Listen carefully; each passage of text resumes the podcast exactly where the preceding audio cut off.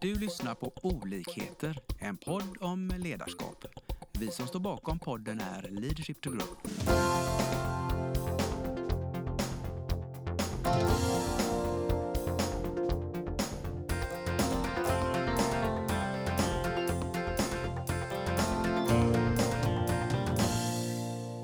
Välkomna ska ni vara till dagens podd. Idag är det från Leadership to Grow, Lars och Lena. Och vi har en väldigt spännande gäst som alldeles strax ska få presentera sig själv. Varsågod. Ja, hej då. Jag heter Jens Händar och eh, ja, jag är 31 år gammal, bor i Partille med min fru och mina barn. Eh, självlärd kodare från början. Oj! Ja, gått via, ja, jag lärde mig när jag var 12 typ, göra hemsidor och sånt. Trodde aldrig jag skulle bli någonting med det, men eh, ja, gick det via reklambranschen och in i olika IT-företag och lite gamification och liknande. Och sen eh, senast innan där jag är nu så jobbade jag med eh, en plattform för att ja, rita data för självkörande bilar. Det är spännande. Spännande. Ja, Ja. det är inte många som, som jobbar med sånt. Eh, men nu är jag på ett företag som heter Spinnit. Sitter ganska nära där vi spelar in nu. Och Spinnit är IT-konsultbolag. Funnits sedan sen 96, har funnits ganska länge. Eh, är ungefär 50 stycken medarbetare. Och eh, ja, vi har ju funnits länge då, jobbat med eh, ja, bolag som har funnits här ute i Sisjön, Billhälls till exempel, som ni Yes. säkert känner till. När de sålde vad heter det, eh, matkassa på nätet för första gången, typ 2000 eller, eller 2000. Stenåldern nästan. Ja, men precis. Vi var, de var först med att testa det. Det gick inte alls. Det var säkert 15 år före sin tid. För men, men ja. Ehm, jobbar mycket med eh, olika kunder inom massa olika branscher. Mm, Ehm, Och jag jobbar som eh, people manager. Så eh, ja, vi är ett ganska litet företag på det sättet. Vi har Yes. inte jättemånga sådana hjälpfunktioner. Men jag, så jag gör mycket för ja, men medarbetarna, att det ska vara en bra, Mm. en bra arbetsplats att vara på. Mycket med kompetensutveckling och rekrytering och, och sådana saker. Mm. Då hinner du inte koda idag då? jag kodade faktiskt lite ibland, men eh, det är mest för att eh, jag tycker ändå att det är kul att kunna vara med och, och hjälpa till lite. Att inte bara säga att nu gör vi så här, utan faktiskt när det, när det krävs hoppa in och hjälpa till. Underbart. Sen så har de sagt till mig nu att du bör nog inte koda så mycket längre Jens. Jag vet inte om de får liksom rätta till lite för mycket i efterhand. Eh, Men jag tror att det hjälper liksom att inte, att inte vara en sån klassisk chef som bara pekar och sen går därifrån och hoppas att det löser sig. Jag tror att de uppskattar det, medarbetarna. Toppen. Ja, men det var ett litet intro. Stort tack. Vi kommer ju komma djupare in på, på det här. Men först tänkte vi att för lyssnarna berätta lite om... Vi har ju ett ämne idag också. Vi har förberett oss lite grann. Och som bas för vårt snack idag så är det då Runstads Work Monitor 2022. Som är ganska färsk. Och vi har ju då gått igenom den och, och vi ska väl rätta upp dem lite tänkte vi tillsammans. Och se vad vi ser i, i framförallt hos er och i Sverige. Och reflektera kring de här ämnena. Så att där, där är vi ungefär va? Ja, först skulle jag vilja ställa en fråga runt din titel. Då. Man är ju van att man heter HR på företagen, men Ja. du säger people manager. Ja, det kom egentligen från när jag, jag sökte ett helt annat jobb på Spinnit som någon eh, IT-projektledare. Och eh, sen så när jag började prata med Martin som är VD så beskrev jag lite så här, men de här sakerna är de som jag vill göra. Eh, och hade en lång lista på saker som mest egentligen handlade om att utveckla personalen eh, och att skapa en, en bra arbetsplats. Och eh, stället där jag var innan, Anotel, hade en, eh, hette? People and Culture Manager. Eller Head of People and Culture. Yes. Eh, och jag eh, tyckte att hennes, hennes titel var, var bra och hennes jobb lät väldigt roligt. Och så eh, tyckte hon var väldigt duktig. Så mm, då, då föreslog jag det och då tyckte väl de att ja, men culture lät fortfarande lite jag vet inte, var inte riktigt van vid det. Eh, så då enades vi till slut om en people manager istället just för att det, ja men det, det är väl det som jag, som jag ska fokusera på. Att, att, Yes. att utveckla personalen men också att, att de ska trivas på jobbet egentligen. Så det, ja. Men ja, jag får ju förklara den varje gång. Eh, men annars är det roligt, då får jag prata lite också. Så det,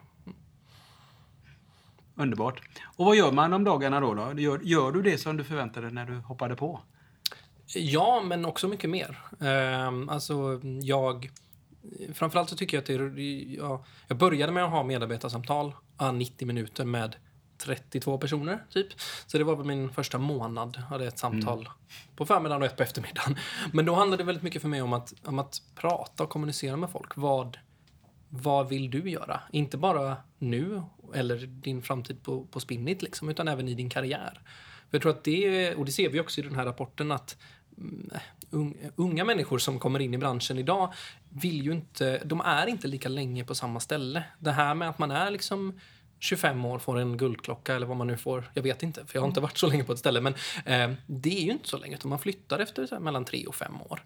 Så jag tror att det måste man ha med sig. Eh, för att kunna ha folk så länge som möjligt så behöver man vara liksom ärlig redan från början med att mm. det, vi kommer nog inte ha kvar dig mm. tills, tills du blir pensionär. Liksom. Mm. Och kan man då skapa en arbetsplats där man kan utvecklas även för personens nästa arbetsgivare mm. så, så, så, tror jag att personalen trivs mycket mer och man är ärlig mot sig själv också. För då kan man också ha en plan för vad gör vi när den här personen har utvecklats över vad den kan göra här eller vilken roll mm. den kan ta mm, här. Um, ja.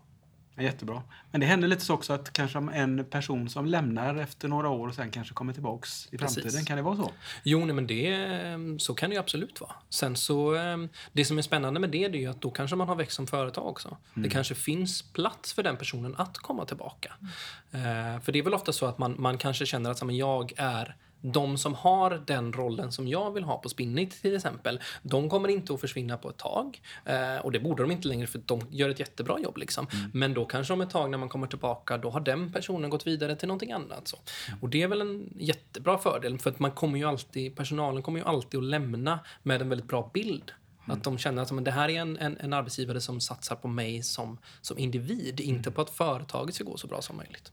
Sen tror jag att det är jättesvårt, men Eh, jag tror att lyckas man med det så, så skapar man ett rykte av en, en arbetsgivare som verkligen bryr sig. Precis. För det är väl också viktigt om man tittar på rapporten, det är ju det här med att, att eh, det är brist på talanger, det är brist på kompetens. Så det gäller ju att ha ett... Det är inte fel att ha ett bra rykte. Nej, absolut inte. Och, och det är väl eh, olika beroende på, på bransch såklart. Men jag mm. menar speciellt IT-branschen har ju länge haft en problematik och den blir mm. bara svårare. Mm. Det ja, speciellt då om man vill ha en, en så heterogen grupp som möjligt. Att man inte mm. ska ha liksom samma typ av människor i hela företaget. Det är ju ett jätteproblem eh, överlag. Och då blir det ju ännu svårare. Ja, det är väl någonting vi liksom bara summerar från rapporten och vi kan konstatera att framtiden ser väldigt jobbig ut för rekrytering för att hitta mm. de där stjärnorna. Liksom. Mm. Eh, det slåss, precis som du säger, det slåss eh, om eh, alla människor idag. Och IT kan jag tänka mig är framkant eller mm. har stora problem. Men jag ser ju i dagligvaruhandeln, i alla mm. branscher så, så är det problem att hitta rätt människor. Mm. Mm. Och eh, för att bygga vidare där då så har ju ändå rapporten då plockat fram fem områden som de tror är eh, viktiga faktorer för att eh, lyckas med de här bitarna. Mm. Eh, och det är ju attityder, värdegrund, empowerment, flexibilitet och självutveckling eller självförbättring. Mm. Och jag tänkte att eh, vi ska inte prata om rapporten som sådan utan vi vill nog prata med Jens vad du tycker om de olika områdena och hur ni då mm. redan idag i Spinnit jobbar med de här frågorna. Mm. Ja, men, och det som jag tyckte kom tillbaka ganska mycket i rapporten på de alla olika områdena var väl hur viktigt det verkar vara för folk som kommer in på arbetsmarknaden nu. Eh, att eh, företagets liksom värdeord, värderingar, vision och mål kopplas till ens egna sådana. Eh, och det väl, har väl alltid varit så att man, det är väl svårt att jobba på ett företag som har värderingar som man inte håller med om. Mm. Men ännu mer nu att man, man, det är en anledning det fanns det också siffror i rapporten på att det är en anledning till att folk slutar eller byter mm. jobb. Mm. Och så vet jag inte om det har varit tidigare. Ehm, det väl också, hör väl också ihop just då med att det är lite av en arbetstagarmarknad. Mm. Att man kan byta om man då känner att ja, men, allting annat matchar, men värderingarna är inte där. Mm. Och då kan man, eh, ja, men då hittar man någonting där värderingarna är där. Mm. Och det är väl både när man tittar på men hur man faktiskt bedriver företag. Om man tänker bort liksom vilken bransch eller vilken affär man jobbar med. Eh, hur man är som arbetsgivare. Men också då vad för typ av företag man jobbar på. Jobbar man med, no med någonting som förbättrar världen? Jobbar man med något som är neutralt för världen? Eller jobbar man på någonting som kanske är så en gråzon? Mm. Där man känner att så här, mm, det här känns inte hundra i magen men har ju en lön. Liksom. Och där tror jag att det kommer bli jättesvårt framöver. Ja. Ehm, så.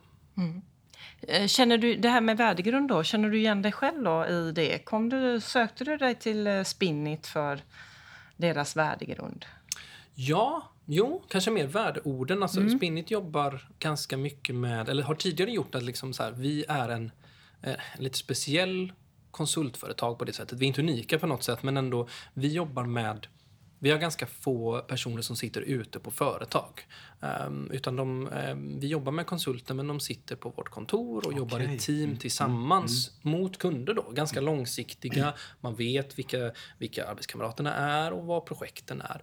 Och Det gör ju att vi har en större möjlighet att påverka arbetsmiljön. Annars om vi hade haft någon som satt ute på ett företag som jobbar i deras team, då blir det ju vi kan ju såklart påverka, men det blir ju mycket svårare för oss. Svårare att ha liksom Precis. kontinuerlig feedback och kontrollera arbetsmiljön och liknande. Så det tillsammans med att vi försöker i så stor utsträckning som möjligt att, att eh, stressminimera. Det ska inte vara stressigt. Man ska alltid kunna be om hjälp. Och det märker jag också när jag hade de här medarbetarsamtalen att just hjälpsamheten sinsemellan eh, verkar vara väldigt påtagligt. Eh, jag märker den inte lika mycket eftersom jag är ganska ensam i min roll. Men jag märker ju att när folk har frågor som man behöver hjälp med, alltså tekniska frågor eller liknande, att det finns nästan alltid någon som vill hjälpa till. Um, och det kände jag när Martin då pratade i den här uh, intervjun som han hade med mig, att ja, men, så som det lades fram, man är ju alltid lite skeptisk i, precis i början när man träffar ett företag, för det finns ju alltid liksom så här, ja, men den här så här jobbar vi och man, man framställer ju alltid företaget på ett väldigt positivt sätt, naturligtvis. Men jag kände ändå det när han pratade och när jag pratade med folk och framförallt nu när jag kommit in att det är så som man vill göra. Mm. Ehm, mm. Ja, och det är ju intressant du säger, för det är ju många företag som, eh, som har de här fina orden på, på väggen i receptionen. Och sen när eh, medarbetarna börjar då så, så är det ju svårt att leva efter det. Har, gör ni något speciellt eller liksom trycktestar ni era värdeord? Mm, ja, osäker på det. Jag kan ju säga att vi har ju dem på väggen, inte i Ja. receptionen men i köket. Eh, det som vi håller på med just nu är väl lite mer att se över. För jag har ju märkt att de har fallit lite i glömska. Så de här som, de som vi faktiskt har nedskrivna Ja. har vi inte lika bra koll på. Eh, sen är det ganska naturligt. De viktigaste sakerna känner jag att vi gör ändå. Men om jag, jag hade en, en, en visionsworkshop i förra veckan faktiskt. Det, eh, och då pratade de om så här, men den gamla visionen och då såg ungefär hälften ut som frågetecken. Det var så? Ja, jo, ja, men, och den, den var jättebra, men, men, men dels för att folk inte visste om den, men också för att jag känner att den var ju liksom framtagen för ett tag sedan utan att folk har fått vara med och... Eller folk som är här nu har fått vara med och tycka till dem. Men då var det ju säkert Precis. så. Och då känner de ju inte till det än, de nya. Nej, men också att de inte har lika stor koppling till det. För man, det är också en del i den här eh, rapporten där med liksom, eh, empowerment med då att liksom ha att man ska ha i, eh, möjlighet att påverka sin arbetssituation i allmänhet. Men framförallt då precis. eftersom de här bitarna är så viktiga för folk med värdering och vision och liknande så måste man ju få vara med i arbetet med att ta fram det. Annars så blir det ju lätt att så, här, ledningen har ett, har ett mål. Och då kanske det är ett mål som ledningen tycker är viktigt också. Ehm, men för att det ska vara så, som en vision ska ju genomsyra allting man gör. Det ska ju vara en polstjärna liksom som man kan ta alla beslut riktat mot. Eh, då måste det ju vara påtagligt i allas arbete. Sen kommer man ju aldrig få med alla på det och alla kommer inte tycka att visionen man tar fram är perfekt. Men ja, nej, men man måste ha någonting som känns, som känns bra för folk. Nu blev jag lite nyfiken då när ni gjorde den här. Mm. Var det en visionsworkshop ni hade? Eller? Ja, nej men vi har väl arbetat lite med att ta fram en, en lite mer ska man säga, avskalad vision som ska vara lite mer ja, men lättare att komma ihåg, Härligt. som man ska kunna ha på ett papper. Liksom så. Och då har vi som, som sitter i någon slags ledningsgrupp tagit fram ett utkast. Ehm, och sen så vill jag så tidigt som möjligt då ha folks input på det. Yes. För annars är det så lätt att man jobbar Ja. långt fram, man tar fram mål och liksom, eh, ja men det ska vara så här lite procent i personalomsättning och liknande. Och sen när man är har gjort allt det arbetet så frågar man personalen och så tycker de antingen så tycker de att det är bra men att de inte har fått ge feedback eller så har man gått åt helt fel håll och då får man ju börja om istället. Så det här var liksom, vi körde en halvtimme Folk fick sätta lite post-it-lappar bara för att få in Om lite. alla var med i alla fall? Ja, jo, men alla som inte, som inte var borta av någon annan anledning. jo. Ehm, ja, både, vi hade två fysiska och en på distans. Ja. Så alla fick möjlighet att... Ja, men det, det. Ja, det var ju högt och lågt. Allt från en, en, en cappuccino-maskin till att liksom jobba med teamwork och med att man ska liksom få feedback på sitt arbete. Så, så. Ja. Men just att få in allt det. Det låter som ni någonting- skapade en eh, delaktighet på den halvtimmen. Precis, Ja, Nej, och det var ju det absolut viktigaste. Sen så kommer man inte kunna in, integrera allting i, i, en, i en vision. Men, men då har man i alla fall... Jag vill ge, inte bara alltså en, att det ska se ut som att man får vara med och påverka, utan man ska faktiskt ha, få det. Mm. Så, nej, men, så det var intressant och jag tror att vi kom ganska långt i det. Tidigare så har det varit en vision som har varit ganska lång och det har handlat om att vi ska hjälpa våra kunder, vilket vi såklart ska. Men jag tror att vi hjälper våra kunder genom att skapa en så bra arbetsplats som möjligt. Så nu så lutar det åt att vi kommer liksom hamna mer i en vision som kanske är ja, men att vi vill vara en så bra arbetsplats som möjligt. Vi vill vara en arbetsplats som alla kan vara stolta över och eh, alla kan liksom sälja in till folk som skulle börja där. Alltså om man pratar om såna här ENPS-scores så pratar man ju om folk som är antingen, eh, nu kommer jag inte ihåg vad det heter, men som är eh, företrädare. Ja, precis. för, Ambassadörer lite Ambass- så. ja, men, Ja. Jo, men precis. Och vi vill att alla ska kunna vara det. Mm. Vi ska vara en så pass bra arbetsplats att vi kan det. För har vi medarbetare som trivs så mycket, då kommer vi att skapa bra resultat för våra Mm. kunder. Men det är nog viktigare, speciellt med tanke på att eh, marknaden är som den är då för eh, rekryteringen. Att då måste vi ju sikta på det först. Liksom. Ja, det låter som ett jättebra exempel. Så att, vad är nästa steg där nu då i, i visions... eh, Få göra det ännu mer levande? Att sortera post-it-lappar eh, i första hand. Ja. Eh, Ja, men det väl bra det. Ja, ja, men sen handlar det väl där om att kategorisera och försöka hitta... Liksom, för jag hade ju tagit fram tre stycken områden Mm, som jag tyckte var viktiga. Och då handlade det ju om ja, men dels att man ska vara... Eh, men att man ska ha delaktighet och att man ska kunna... Ja, men att alla ska kunna känna en hantverksstolthet var väldigt viktigt för oss. Vi har alltid Mm, Bra. varit liksom att det som vi gör är bra saker. Det, är inte bara det, det är inte bara det som kunden tror att de vill ha. Utan som utvecklare kan jag känna att men det här som jag har varit med och kodat fram är jag stolt över. Ja, jag vill visa kom, upp precis, det. Ja. kommer det. Ja, men precis. Och då, eh, för det hjälper ju våra kunder. Eh, Och det gör också att man känner att man har att det känns meningsfullt även när man kanske inte jobbar med välgörenhet eller med någonting som känns bra i magen så känns det ändå bra liksom i, i hjärnan, om man ska säga. Ehm, ja. Nej, men så det handlar väl om att ta alla de här sakerna som jag fick in då, kategorisera dem inom områden och sen försöka hitta ja, men en övergripande så här, det här. Yes. Och sen sätta upp mål som vi kan följa upp. För det är också viktigt att inte bara, även om man har ett, ett liksom, vad man säga, eh, ord på väggen som alla håller med om, så om man inte följer upp dem och ser att man är på väg åt att, eh, ja, att göra det att göra det helt enkelt. Eh, då blir det ju tomma ord ändå. Även om det är Jättebra. tomma ord som alla håller med om. Nej, Jag tror för våra lyssnare, jag tror det, jag menar, det låter ju ganska banalt det du beskriver men ändå det är, liksom, det är väldigt värdefullt som du säger att ni har massa gula lappar med värdefulla ord man blir stolt över. Ni har också en, ett embryo till mål då så ni kan följa upp det och liksom göra det om och om igen så det blir levande. Så att jag menar det, man ska nog inte underskatta värdet av, av det ni redan har gjort. Ja, nej, nej. Och, och, och det här är ju som sagt bara ett lite, men nästan inte ens ett första steg utan ett, ett steg innan första steget för att Ja, jag ska kunna liksom, komma igång ännu mer med det arbetet. Ja, men ni blir taggade. Jag menar, ni blir väldigt, det låter som att ni är väldigt, och ni och du, taggade på att komma vidare. Ja, nej men så är det ju. Eh, för jag känner, och det har också mycket att göra med att alla andra beslut som vi tar, till exempel i ledningsgruppen eller som jag tar i mitt arbete, hur, vilket beslut man tar är ju kopplat till vilken vision man har och vilka mål man har. Och vet man det, då är det mycket, mycket lättare. Och man slipper hela tiden dra allting i långbänk för att man inte är helt säker på, har man då så här, okej men kommer det här att göra att vi blir en bättre arbetsplats? Ja, men då ska vi nog göra det för det, det är ju rimligt utifrån vår vision. Precis. Och jag tänker också att det är bra att, du, att vi är inne på det, att det är, att det är inte så besvärligt. Jag Nej. tror att många företag när de ska göra sin, sitt visionsarbete och sitt värdegrundsarbete gör det för stort och för märkvärdigt. För det är ju egentligen ganska simpelt. Vad vill vi bli kännetecknade från och vart är vi på väg? Liksom? Och så med, med alla medarbetarens små input så, så kan man sätta ord på det. Den känslan man vill skapa kanske.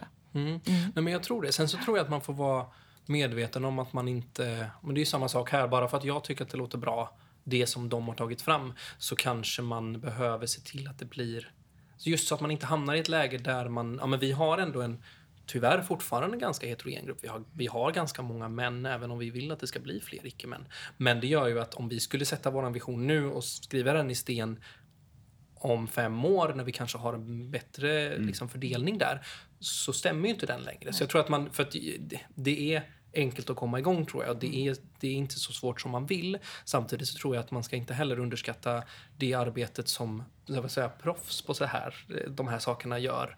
Ehm, men det kanske är någonting som man mer ska vara medveten om och ha med sig. Mm. Att hela tiden liksom, ja, Nej, men jag upplever det i, i de gångerna vi har varit med i såna processer att eh, det vi möjligtvis som proffs då kanske är lite bra på det är att sätta ord på det man hör i rummet. Mm. Liksom. Eh, och det är väl för att vi varit ute i många, många sådana mm. här situationer. Så vi kan, vi har en, en databas bak i mm. huvudet mm. med de här konkreta orden. Vilket gör det enkelt då liksom. Men, men som du är inne på också, det, det, som, det, det kanske låter fel om man säger att det är enkelt. Men det är enkelt, men det måste få ta tid. Ja, men... Det måste få mm. skruvas och det måste få engageras och det får provtestas åt Precis. alla håll och kanter. Liksom. Men jag tror, att, jag tror att, just som du säger, att det behöver inte vara det här när man säger men nu ska vi ha en konferensdag på åtta timmar där vi åker ut i skogen och gör det här och får bli klara med det. Utan det kanske är bättre att göra lite pö om pö. Ha 30 minuter, det låter jättekort. Men vi fick ändå in ganska mycket på det. det. Ja.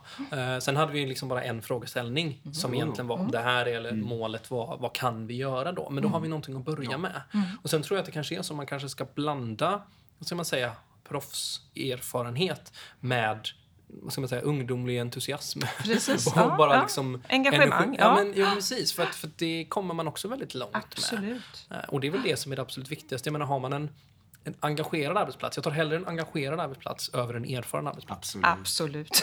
Alla dagar i veckan. Så är det ju. ja, och då, då var väl det en jättebra övergång kanske till empowerment då. Ja. Uh, för empowerment är ju ett spännande ord. Jag måste säga, den här helgen har vi, har vi googlat och vi har letat mm. definitioner mm. och vi har läst rapporten och, och jag tror ju, och vi pratade om det innan Jens, att ja, man kan eh, stoppa in mycket i empowerment. Mm. Vad vill du stoppa in i empowerment? Jag tror egentligen att jag vill stoppa in i empowerment det här med att man får, man får vara med och bestämma. Eh, och men egentligen meningsfullhet i arbetet också. Mm. Eh, vi pratade också lite om det innan med just att så här, men vad, nu med, med pandemin och med allting som har hänt där så har folk fått lite en annan syn på livet. Även om man inte har haft någon nära en som kanske har gått bort eller som har blivit sjuk. Så just att det blev en sån stor förändring från, som kom nästan från ingenstans. Och, och, och, det gör att man har kanske har om alltså, värderat hur mm. man spenderar sin tid. Mm. Och, och då blir det väl viktigt att jag menar att man känner att man går till någonting som känns meningsfullt. Mm. Om man ska vara borta åtta timmar från sin familj till exempel, eller från sin, som, från sin fritid, så måste det vara någonting som känns meningsfullt. Mm. Och det tror jag väl, det skulle i alla fall jag lägga in lite i det.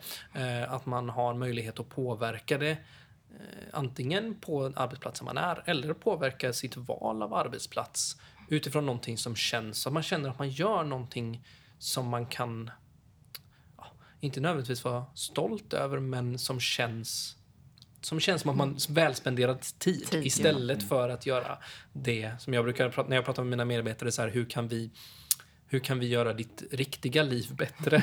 alltså, så. Uh, Härligt för, uttryck. Ja, men alltså man får tänka lite så. Visst, ja. har man startat ett företag eller man driver en startup eller är egenföretagare, då kan det ju vara svårare att särskilja det. Men är man en arbetstagare som går till mm. ett jobb, då får man ju som ledning eller som ägare vara medveten om att personen går dit för att de behöver en lön fortfarande mm. för att kunna leva sitt mm. andra liv. Mm. Det, jag tycker inte man kan förvänta sig att folk som inte är till exempel ägare av ett företag spenderar liksom extra mycket tid eller spenderar liksom extra mycket energi. Det är klart att vi vill ha folk som är engagerade, men det blir, det blir konstigt om man ska liksom mm. tro att folk ska göra liksom extra för ett, ett jobb. Jag, jag, jag har svårt att, att, att motivera det. Uh, på det sättet. Mm. Och då, eh, då behöver man motivera det genom att det känns meningsfullt istället. Mm. Men jag tänker också det här, du var inne lite på det där att man boostar upp eh, medarbetarna både i utveckling Mm. och också eh, möjligheter att påverka men också att de får mandatet att ta beslut. Mm. Eh, vi har ju en gammal hederlig bok som eh, har nypremiär var det väl för ett halvår sedan eller ett år sedan. Och det är ju Riv pyramiderna med Janne Karlsson. Och, och den tycker jag verkligen är empowerment. Liksom. Att få ut, eh, ut eh, så säga, ansvar och befogenheter så långt ut i, le- i leden som det går. Och det är ju att skapa, man tror på sina medarbetare. Man tror att de kan ta rätt beslut när de står där och måste ta beslut. Istället för att ett jobbigt beslut måste gå hela vägen. Och kunden eller en eventuellt rekrytering, den har ju tappat, tappat lust att vänta liksom. Eh, och det, det är mycket för mig också empowerment. Att man liksom ger den här medarbetaren så mycket eh, utveckling, erfarenhet, trygghet så att den känner att vi tror på dig. Och då tror jag att det där engagemanget kommer kanske lite extra även om åtta timmar har gått över dagen. Liksom. Och kan stanna en halvtimme extra för att... Ja. Nej, men, och, och, och det, det, ja, men det tror jag. med. Och vi har ju många som, som vill liksom göra det där lilla extra. Det är inte, det är inte så. Men, men, eh, men jag, jag har alltid tyckt att det är så konstigt med liksom, om man har en chef som inte är som inte är med i arbetet, som vill ta beslut kring hur arbetet ska göras. För inte, dels så är det ju inte så roligt för den som, som gör arbetet, men också att det, det är inte de som kan ta det bästa beslutet. Utan den, den som kan ta det bästa beslutet eh, kring hur arbetet ska utföras är ju den som gör det. Som sitter närmast. Ja, men som, Ja, precis. ja. Eh, Och det för de gör ju det varje dag. Mm. Jag menar, jag är ju kodare från början, men jag eh, går ju inte in och säger hur man ska koda saker längre, för nu var det ett tag sedan som jag gjorde det Mm. ordentligt. Så det finns ju ingen eh, ja, finns ju ingen mening med det. Det blir bara sämre av det. Mm. Eh, utan då handlar det väl mer om att som ledare då att skapa en, ja, men, skapa möjligheten för människor att göra ett så bra jobb som möjligt. Precis. Ja. Eh, och lämna de tekniska besluten till exempel. Det bryr jag mig inte överhuvudtaget om hur folk löser det. Eh, för att jag vet att de är mycket bättre på det än vad jag är. Däremot så kan jag, hjälpa dem med då kompetensutveckling för att kunna göra det. Eller då ta bort andra hinder så att man kan fokusera på det som man är bra på. Precis. Och det var väl det jag kom på att jag var inte så bra på att koda kanske. Utan jag var bättre på de andra bitarna. Ja, ja. Flexibilitet är också en sån punkt som eh, pratas mycket om här. Och, eh, den fick vi ju lära oss mycket under covidperioden här nu då, och, och vara flexibla. Vad har hänt hos er nu när vi är tillbaka? Eh, När vill folk vara lika mycket flexibla eller vill de bara komma till kontoret nu? Eller hur tänker ni?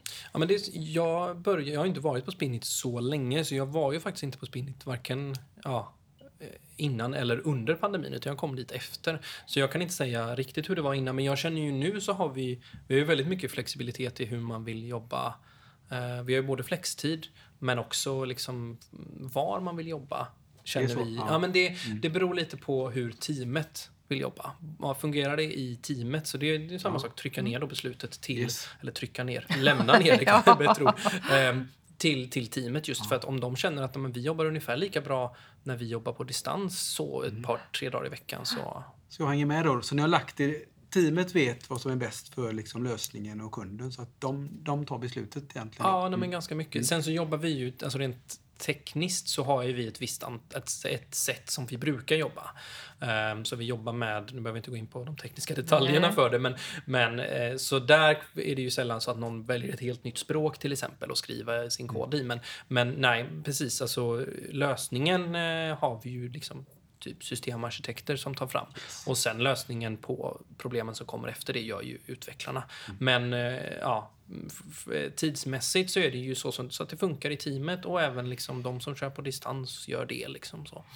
Eh, vi har ju några som sitter helt på distans också, men eh, ja, då är, de är sådana som då jobbar mot externa kunder, så där funkar det. Är det här en fråga som brukar komma upp vid rekryteringar idag? Vilka ja. möjligheter man har? Ja, ja. Jag, jag märker att det är viktigt för folk. I alla fall att det finns en flexibilitet. Sen så är folk inte så här, jag vill vara fredagar och måndagar hemifrån. Liksom så. Men just att, att man inte... Jag tror att folk är, försiktiga så att man inte hamnar på en arbetsplats som vill gå tillbaka till fem dagar eh, 100% på kontoret. på Ja, men precis. Det vill ingen egentligen. Nej, det är väldigt få som vill det. Sen så är det vissa som inte har några val, men vi har ju väldigt stora valmöjligheter där just eftersom jag menar, vi skulle ju kunna egentligen ta bort vårt kontor. Eh, arbetet hade funkat ändå. Däremot, vi hade ju tappat väldigt mycket i det sociala. Och mycket... Kompetensöverföring tappar man väl också om man inte... Oh ja. Nej, men det är ja. mycket sådana saker runt omkring som är, som är viktiga. Men alltså, jag menar, koden kommer ju kunna skrivas ändå och mötena kommer vi ju kunna ha. Mm. Eh, Men vi tycker ju väldigt mycket om att kunna vara tillsammans. Eh, Nu körde jag ju den här visionsworkshopen till exempel. Där hade vi ju de som ville vara på distans. Det gick ju att köra på distans där också. Men jag tyckte alltså rummet, energin i rummet blir ju annorlunda liksom. Ehm, så. Vi- Och det, det, och det känner du, det, medarbetarna känner väl det också? Lite? Mm, ja, men jag tror Ja. det. Sen så märkte jag ju att eh, alltså, de som körde digitalt, det var ju, de pratade ju hela tiden på ett annat sätt. För att eh, just att man, det är svårare att sitta tyst i Ja. ett digitalt möte. Men, eh, ja, jag vet inte. Alltså det som kom, resultatet som kom av det var ju precis lika bra. Så, men eh, det, kanske, det kanske är min... Det, där kanske jag är gammaldags. Eh, Det vet jag inte. Men eh, jag har ju vänner som jobbar på företag som är helt liksom remote. Och det som är spännande där är ju att man då jobbar ju de med liksom folk som bor i USA eller någon annanstans i Europa och har, bara sitter på något kontorshotell här i Göteborg. Och det är ju, det är ju häftigt. Och jag tror- häftigt. Ja, det är men- hisnande på ett sätt är det det. Ja, nej, men just att då kan man ju ha kompetens, eller så rekrytera från var som helst i världen. Ja. Eh, Så Men det är mer hur man löser det sociala kittet då. Det blir Mm. lite svårare tänker jag mig. ja, där tror jag i så fall att man kanske ska ha arbetsgrupper. Mm. Så att man har ja, men ett Göteborgsgrupp och så är man fem stycken Mm, som sitter ibland tillsammans. Men ja, de har ju så här, man kan, vi ska åka till Barcelona nästa månad och så åker alla dit och träffas. Mm. Eh, Men det blir ju en större apparat av det. Där tror jag säkert att man kan spara in väldigt mycket pengar å andra sidan, så då kan man ju göra sådana resor. Men nej, jag är fortfarande lite, jag tycker om sättet som vi gör det nu. Mm. Eh, Och jag är på kontoret eh, ganska mycket just för att mitt arbete är svårare att göra eh, digitalt. Så. Bra reflektioner. Tack. Mm, ja. Den sista punkten den handlar ju om eh, ständig utveckling. Mm. Eh, Och eh, det har ju vi fått möta på också i, i, i vårt jobb. När den yngre generationen hela tiden strävar efter att utvecklas, utvecklas. Känner du igen det? Ja, nej men, och det, det beror väl också lite på vilken bransch man är i. Min bransch är ju så att det utvecklas ju väldigt mycket. Programmeringsspråk som är eh, mest använda nu fanns inte för fem år sedan i, vissa fall. Liksom. Så det betyder att man måste utvecklas för att vara relevant. Sen så är det ju det är ju spännande. Vi har en, en, en blandning på företaget där vi har, funnits sedan 96 men och vi har ju några som har varit, jobbat i 22 år på företaget. Eh, Medan vi har vissa som började i år. Och, och, och där ser man ju de som har jobbat länge, de har ju kunskap som kanske inte folk lär sig längre, för det är inte lika hett nu.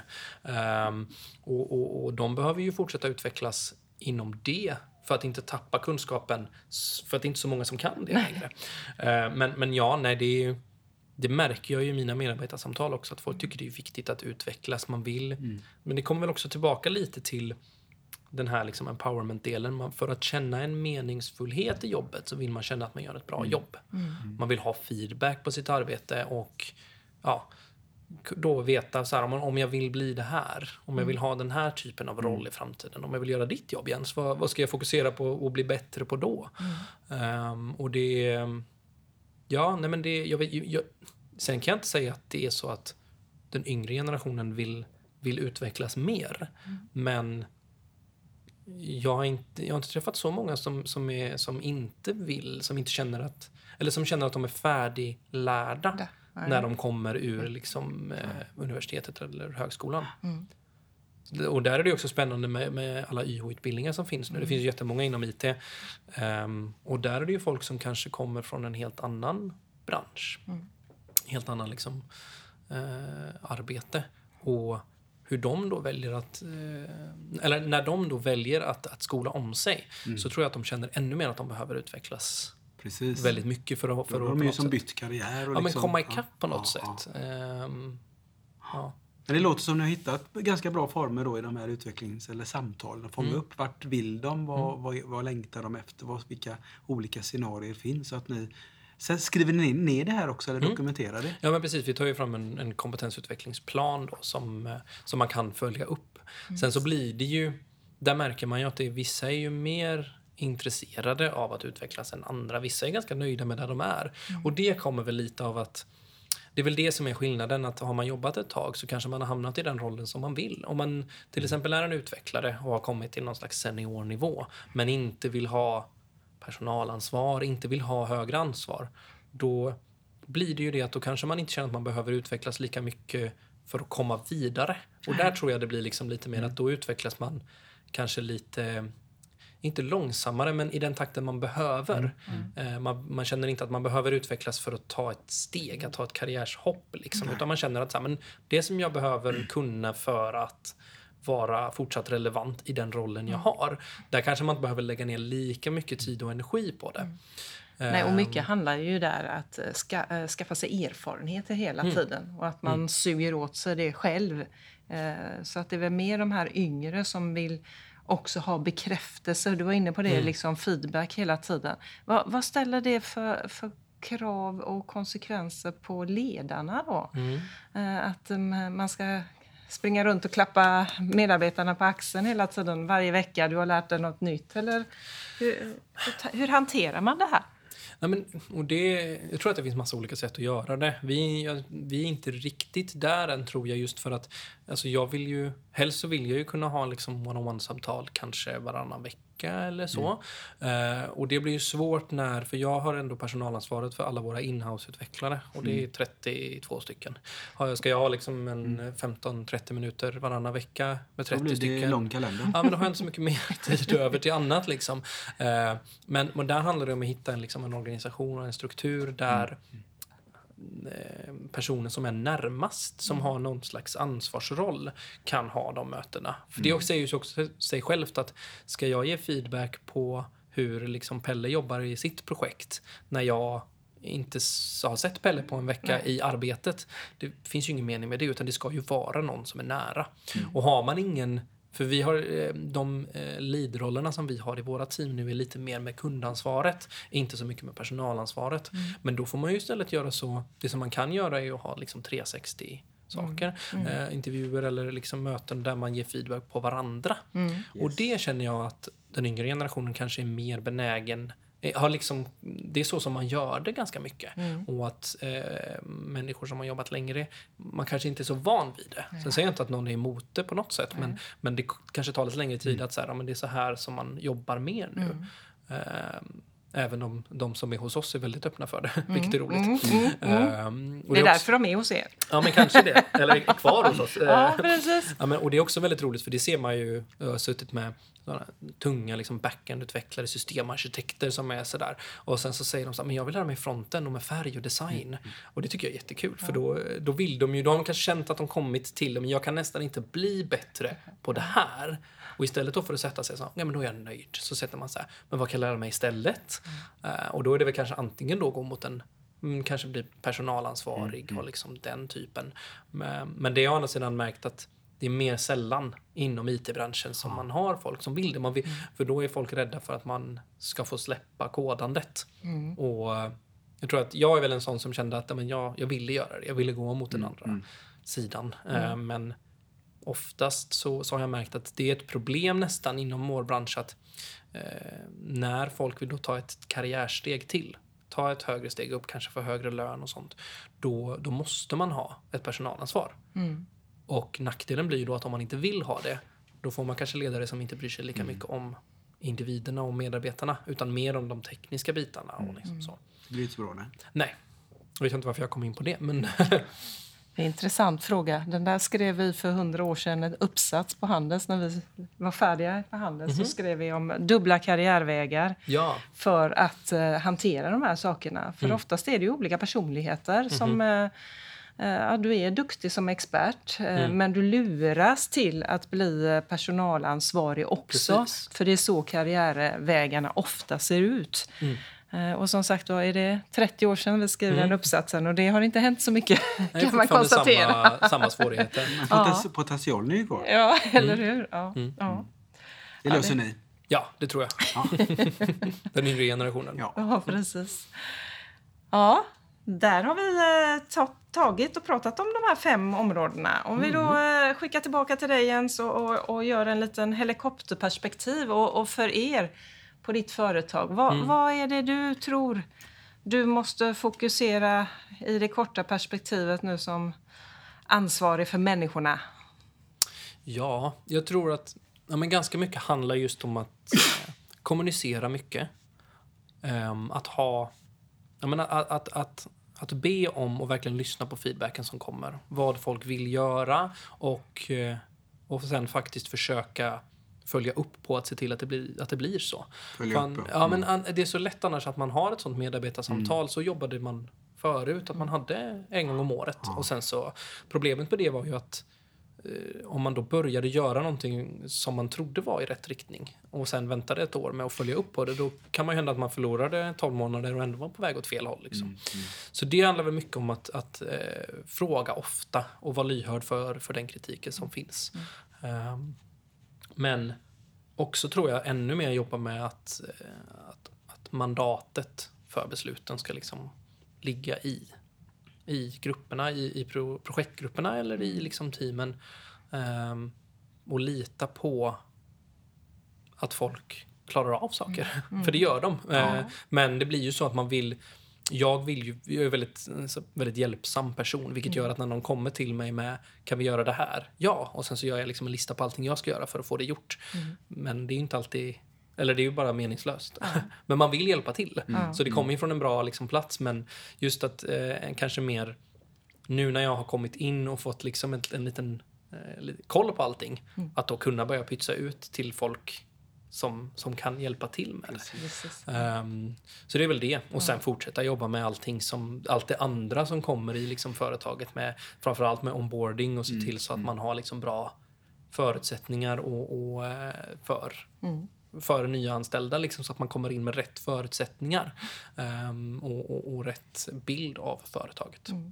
Det är lite roligt, för du sa alldeles nyss att jag, kanske inte, jag, kan inte, jag hinner inte runt och, och prata och kommunicera om jag skulle ha de här uppföljningssamtalen. Men det kanske är precis det du ska göra. Du ska inte göra någonting annat. det, Eh, För om man är, eh, är lite ekonom i det och sätter kronor och ören också på vad kostar det en Mm. förlorad eh, duktig medarbetare som lämnar bara för att man kanske har missat och hör, Precis. lyssna in. Liksom. Och vad kostar det inte att rekrytera nytt och lära nytt och onboarding som du sa.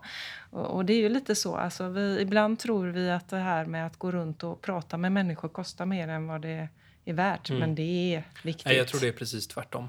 Precis. Jag kanske får skaffa en assistent som kan liksom agera på allting som kommer istället. Det, Det låter hur? bra. Mm. Eller så kan du kanske klona dig och bli en till Ja. som du. Mm. Eh, för du, det pratade ju du och jag om för några veckor sedan också, om att ha 30 stycken som du ska ansvara Nej, det för. Det är ju en ganska stor grupp liksom. nej, Kanske men det, forskning på det också, vad, vad det är Precis. Ja, Ja, nej, och det, och det är ju det är också för medarbetarnas skull. För att det ska bli rättvist mot dem så Mm. behöver man ju... Ja. Är det någon fråga vi har glömt att ställa, tycker du, Jens, som vi inte har berört? Nej, jag tror inte det. det. Eller det finns ju jättemycket i den här. Det var, en väldigt, det var en intressant rapport. Jag kan inte säga att jag håller med om allting. Och det som var intressant var ju också att alltså det är för, från hela världen. Vilket gör att saker som är ett en, en eh, problem eller saker att tänka på här i Sverige kanske inte är det i till exempel USA eller Mexiko. Eh, Men, men jag tyckte att den var intressant för att den gav ju ändå lite så här food for thought. Att, att tänka igenom sina egna saker. Så. Eh, Men det fanns väldigt mycket där så jag kan säkert ha en podd till. Vi kan höra av oss om ett år och så ha uppföljning på Ja, det. precis. Om ett år. Det blir bra. Ja, det är gott. Det är lagom eller? Mm. Ja. Stort tack. Jag tycker det var jättebra att Ja, reflektera och, och just att koppla upp det mot eran verklighet och din verklighet. För det är ju då det händer, tänker jag. Ja, det blir konkret också. Många gånger när man pratar om såna här saker så blir det väldigt luddigt. Mm. Eh, Men när man kan referera det in i ett företag och precis som du sa, vi konkret gjorde det här. Vi satt i små workshop, vi gjorde det här med post-it-gulisarna. Ja. Liksom. Då blir det också enkelt att eh, ta efter och Mm. göra, att andra också vet eh, hur man kan göra det. Mm. Nej, men jag tror det. Och tack så mycket för att jag fick komma. Vi hoppas att vi har väckt tankar om hur du kan utveckla och stärka ditt personliga ledarskap. Följ oss gärna på våra sociala medier där vi heter Leadership to Grow. Om du vill ha mer inspiration och verktyg, gå in på vår hemsida leadershiptogrow.com. Tack för att du lyssnar.